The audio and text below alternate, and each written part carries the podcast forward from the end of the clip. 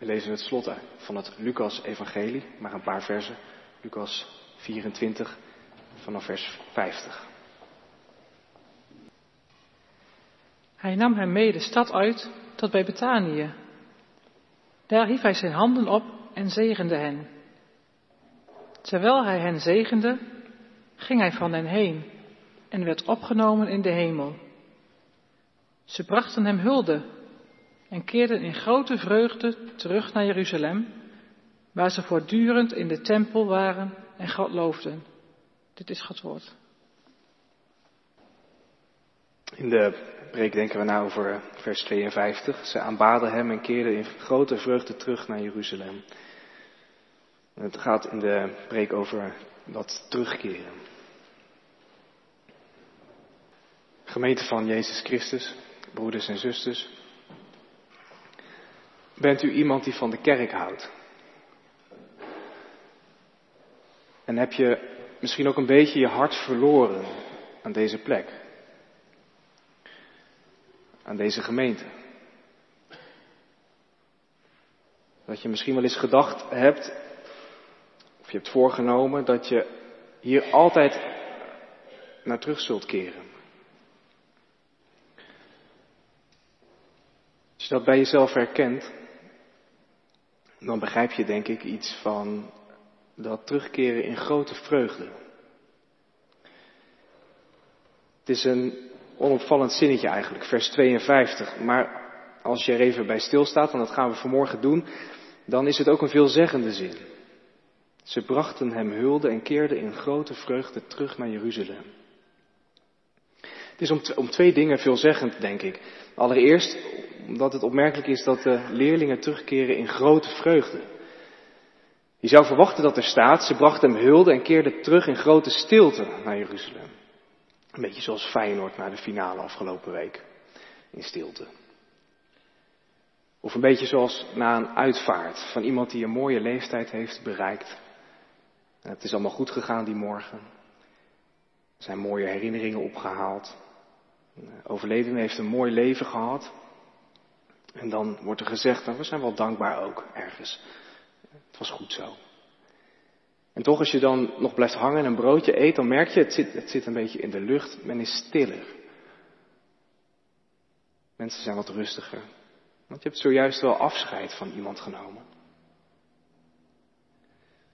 En hoe je het ook went of keert, afscheid nemen is altijd iets waar je een beetje stil van wordt, is mijn ervaring. En ook de hemelvaart is toch een afscheid. En toch keren ze terug in grote vreugde. Ik vind dat veelzeggend. Blijkbaar is er een reden om zo blij te zijn. Het andere veelzeggende ding is het terugkeren op zichzelf. En dat valt op, want in heel het laatste hoofdstuk van dit evangelie gaat het over terugkeren. De vrouwen keren op paasmorgen naar het graf en vervolgens keren ze terug, staat er, met het nieuws van Jezus' opwekking. En de Emmausgangers daarna lopen helemaal naar Emmaus en daar moeten ze Jezus, maar ze keren dan weer terug, lezen we. En nu, na de hemelvaart van Jezus, keren de leerlingen ook weer terug.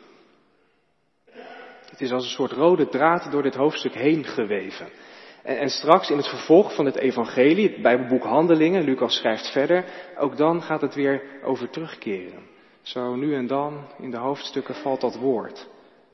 Men keert terug naar Jeruzalem, naar de gemeente, naar elkaar. De kerk na, na Pasen bestaat blijkbaar uit terugkerende mensen. En in handelingen kunnen ze soms ook als duiven zo ver uitvliegen, maar ze keren altijd wel weer terug. Misschien ben jij dus ook wel zo iemand die zich heeft voorgenomen om altijd weer terug te keren naar deze plek. Er is liefde in je hart voor dit huis, voor deze mensen om je heen, voor de traditie, de liturgie, de liederen. Het is een onderdeel geworden van je leven. Of misschien zelfs zou je kunnen zeggen van, van je identiteit, van wie je bent. Je zou het woordje verlangen erbij kunnen noemen. Je verlangt soms naar hier. Bij Paulus zien we dat ook wel, dat verlangen. Soms in zijn brieven komt het naar voren. Hij kan bijvoorbeeld verlangen naar zijn jonge collega Timotheus. hij schrijft, als ik aan je tranen denk, Timotheus, dan verlang ik er naar je terug te zien. En dat zal me met vreugde vervullen. Of in de brief aan de gemeente in Thessaloniki schrijft Paulus, wij bidden dag en nacht met volle overgave dat wij u weer zullen zien. Ik denk dat Paulus dat wel begrepen heeft, dat terugkeren naar Jeruzalem met grote vreugde. Verlangen naar elkaar. Maar misschien, ja, dat kan ook natuurlijk. Misschien ben je veel terughoudender als het gaat over de kerk. Over zo'n leven lang terugkeren naar de kerk ben je helemaal niet zo zeker. Je gelooft wel in God en misschien ook dat Hij een plan heeft voor je leven. Maar daar is de kerk nog niet zomaar een onderdeel van. En wellicht is er een periode in je leven geweest dat je de hele tijd niet ging. Of wellicht ken je iemand voor wie dat nu geldt. Ja, eigenlijk is dat, dat terugkeren naar elkaar helemaal niet zo vanzelfsprekend in onze tijd natuurlijk. want onze samenleving denkt heel sterk van, vanuit het individu. We zijn allemaal kleine eilandjes geworden. Iedereen zoekt zijn eigen waarheid. En we nemen niet zomaar meer iets van een ander aan. En als het erop aankomt, dan kunnen we alleen van onszelf echt zeker zijn. Hoe jij de dingen ervaart, hoe jij je erbij voelt, dat is belangrijk. En nu leven we in een wereld, in een land, waar niemand echt aan een ander durft te twijfelen. Ik bedoel, als, als jij het vindt, dan zal het wel zo zijn. We twijfelen niet aan anderen, maar we vertrouwen tegelijk ook alleen op onszelf. Nou goed, dat, dat verhaal over het individu, dat kent u verder wel, denk ik, van binnenuit, want wij leven in deze wereld. En misschien zie je het ook wel eens in je omgeving gebeuren dat mensen in religieus, in gelovig opzicht een weg zoeken als individuen. Believing without belonging. Wel geloven, maar niet ergens bij horen. Men sprokkelt zo wat bij elkaar aan ideeën en inspiratie. Maar naar een kerk gaan, dat doet men niet. Nou, om het een beetje in de taal van onze Bijbeltekst te zeggen, dan is dat geloven zonder terugkeren. Want als je bij een kerk hoort, dan, dan keer je steeds weer terug. In dat, in, in terugkeren zit, zit een omkeermoment. Je zou het een fractie van bezinning kunnen noemen. Dat je niet alsmaar verder gaat op de weg die jou ligt, maar dat je steeds weer even stilstaat. En dat je omkeert en teruggaat. Kerk zijn is, is met dat woord terugkeren misschien wel aardig omschreven. Wat, wat doe je nou precies als je bij je kerk hoort? Nou, terugkeren. Iedere zondag. Mezelf laten bijsturen door de vieringen. Er zit een moment van bezinning en van bekering in. Mezelf laten bijsturen door nou, bijvoorbeeld de oude woorden van een psalm die je zelf nooit zou lezen, maar die op zondag zomaar op het rooster staat. Of door met elkaar te bidden voor de dingen waar je misschien persoonlijk nooit aan denkt. Maar door dat gebed word je zelf ook op andere gedachten gebracht. Wordt er een nieuwe aanspraak gemaakt op je hart. Ik denk als we de kerk niet hebben om naar terug te keren, dan blijven we zo in onze eigen persoonlijke cirkeltjes rondlopen. Dan worden onze gedachtegangen over God niet zo gauw doorbroken. En minder goede patronen ook niet. Er is niemand die ons daar over aan het denken zet. En dan ga je heel geleidelijk, zo zonder kerk, op de weg voort waarvan jij denkt dat die goed is. En dan kan het ook zo zijn dat niemand je meer op nieuwe gedachten brengt over God. En kan het ook zijn, denk ik, dat je die vreugde van de kerk op een gegeven moment verliest, de vreugde van het geloof.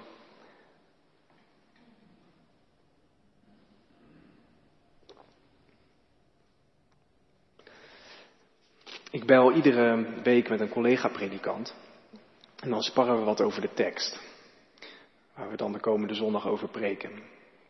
En een heel enkele keer komt het wel voor dat ik, ik denk, te druk ben. Dat ik er niet zo uitkom. En dat mijn gedachten misschien ook wat in de weg zitten. En dat ik steeds in rondjes draai, als het ware. Alsof de diepere lagen van een tekst niet opengaan. En intussen komt die zondag dan wel steeds dichterbij en dat is wel frustrerend soms. En enkele keer gebeurt dat. Maar als we dan gebeld hebben, ik en die collega, dan merk ik vaak dat ik opnieuw enthousiast word. Dat zo'n tekst open kan gaan. Door gewoon het gesprek wat je er met elkaar over hebt. Door de vragen die je elkaar stelt over zo'n tekst. En, en dan is het alsof mijn gedachten als een setje kaarten zijn geschud en dat ik weer verder kan spelen. Op een nieuw spoor gezet. En zo werkt de kerk ook, denk ik. Als zo'n telefoongesprek. Dit is de, de plek waar je wordt weggelokt bij je eigen gedachten en eigen gevoelens vandaan. Om opnieuw op het evangelie betrokken te worden. Ik, ik hoop dat, dat hier de ramen en de deuren van het hart van je geloof opengaan en dat er dan zo'n nieuwe frisse wind naar binnen waait. Steeds weer terugkeren naar de kerk is, is bij de les blijven. Het is elkaar scherp houden. Dat hebben we denk ik ook ontzettend nodig, ook na de afgelopen week. Met een mass shooting in Amerika, onthutsende foto's van Oeigoeren in Chinese kampen. Een kraamafdeling in Senegal waar iets verschrikkelijks gebeurde. Vanmorgen zag ik een vliegtuig neergestort of in ieder geval kwijtgeraakt bij Nepal. De voorpagina van Trouw gisteren dat er op Cyprus een nieuwe vluchtelingencrisis ontstaat met de proporties van Moria.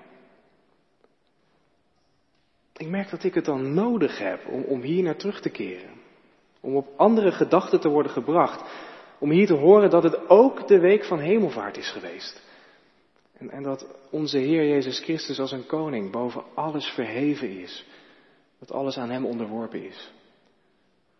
De mooie schepping met alle prachtige soorten, maar, maar ook de lelijkste oorlog. Hier hoor je een ander tegen je zeggen dat hij koning is. Dat hij als rechter zal optreden aan het eind van de tijd. En dat hij op de dingen terugkomt. En ik, ik merk dat ik het nodig heb dat dat tegen mij gezegd wordt. Door jullie, door de mensen in de kerk. Elke keer weer opnieuw. En daarom keer ik terug, altijd. En u, of jij misschien ook wel. Ze brachten hem hulde en keerden in grote vreugde terug naar ja, de christenen vanaf het begin van de kerk. Al die eeuwen, op al die plaatsen. Tot ons hier vandaag aan toe tot jou, tot u. Terugkeren. Dat terugkeren is, is niet altijd makkelijk, denk ik. Misschien heb je wel eens gehoord van het Concorde-effect. De Concorde was een supersonisch passagiersvliegtuig met die hele spitse neus die zo kon draaien. Het was een gezamenlijk project van de Franse en Engelse regering. Je kon in een paar uur tijd van Europa naar New York vliegen. Maar het project is nooit winstgevend geweest. Er werden enorme verliezen gedraaid en toch bleven de overheden er miljoenen en miljoenen in stoppen. Met als argument, we hebben al zoveel geïnvesteerd. En het zou toch zonde zijn om dat nu allemaal te laten liggen. Je moet nu doorgaan. Scholieren hebben die ervaring wel eens als ze op elkaar moeten wachten, als ze met elkaar meefietsen naar school. Soms sta je tien minuten te wachten en dan ga je twijfelen of iemand niet al lang weg is.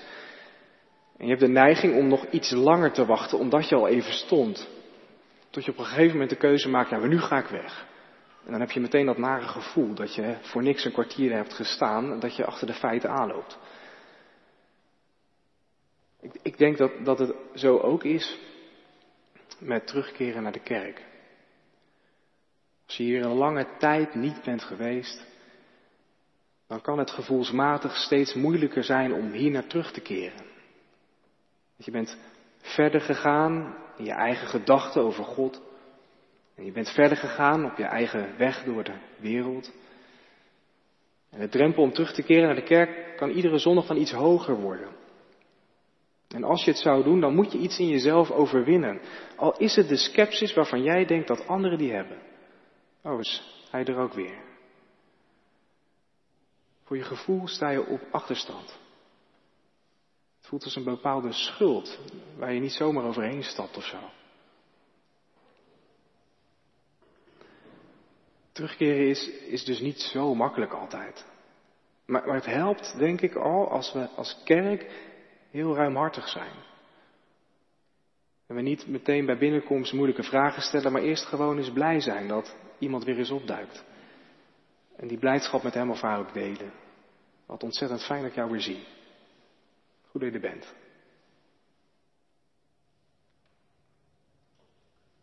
Nou, tot nu toe hebben we het vooral gehad over het terugkeren. Jezelf laten weglokken bij je eigen gedachten vandaan. En het van een ander horen. Het evangelie. Maar ik wil tot slot nog wat zeggen over de vreugde waarmee de leerlingen terugkeren. De vreugde is er omdat de gelovigen hier in de kerk met elkaar Christus ontmoeten. Na, hemel, na de hemelvaart heeft Christus geen lichaam meer op aarde, maar Christus is door de kerk heen aanwezig hier in de wereld. Niet dat alles wat de kerk doet en zegt heilig is, en dat we overal Christus zomaar in kunnen zien. Nee, want de kerk is ook een gebroken lichaam. En soms ook is er pijn en lelijkheid. Er is misbruik en onverschilligheid. Maar, maar ondanks dat geloof ik heeft Christus de kerk gekozen als het lichaam waarmee hij nog op aarde is. Zoals het gebed van Teresa van Avila. Christ has nobody now but yours.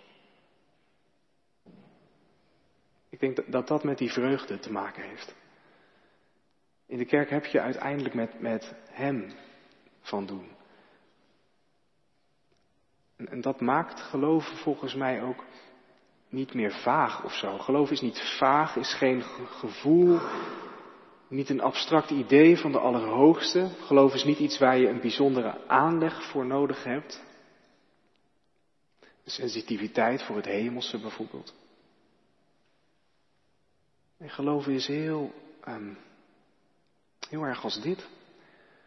Dat je terugkeert op deze plek met elkaar. En dat je in het menselijke en soms ook het kleinmenselijke toch iets van Christus leert zien.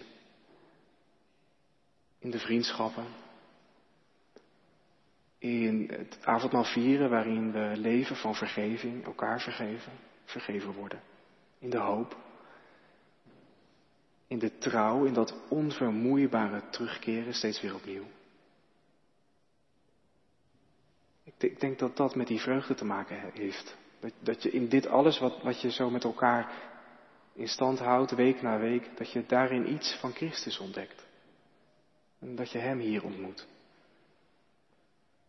En dat je daarom alle reden hebt om blij te zijn, ook in deze wereld, na een week zoals deze.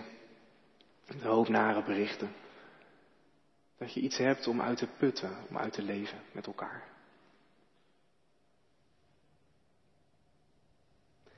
Dus bent u iemand die, die van de kerk houdt? Heeft u ook uw hart verloren aan deze plek? Aan deze gemeente misschien? Dat je jezelf hebt voorgenomen hier altijd naar terug te keren. Met vreugde. Volgens mij begrijp je dan. Volgens mij begrijp je dan de liefde die Jezus zelf voelt voor de kerk. Voor deze kerk. Jij hebt lief gekregen wat Hem lief is. En daarmee heb je iets van Hem ontdekt. En als jij terugkeert, naar wat je lief geworden is hier? Zou Hij zelf dan ook niet terugkeren naar ons op een goede dag, omdat Hij ons lief heeft? En tot die tijd heeft Christus geen andere lichaam op aarde dan dat van jou, dan dat van ons, dan dat van de kerk. Laten we daarheen steeds terugkeren met vreugde, met plezier. Amen.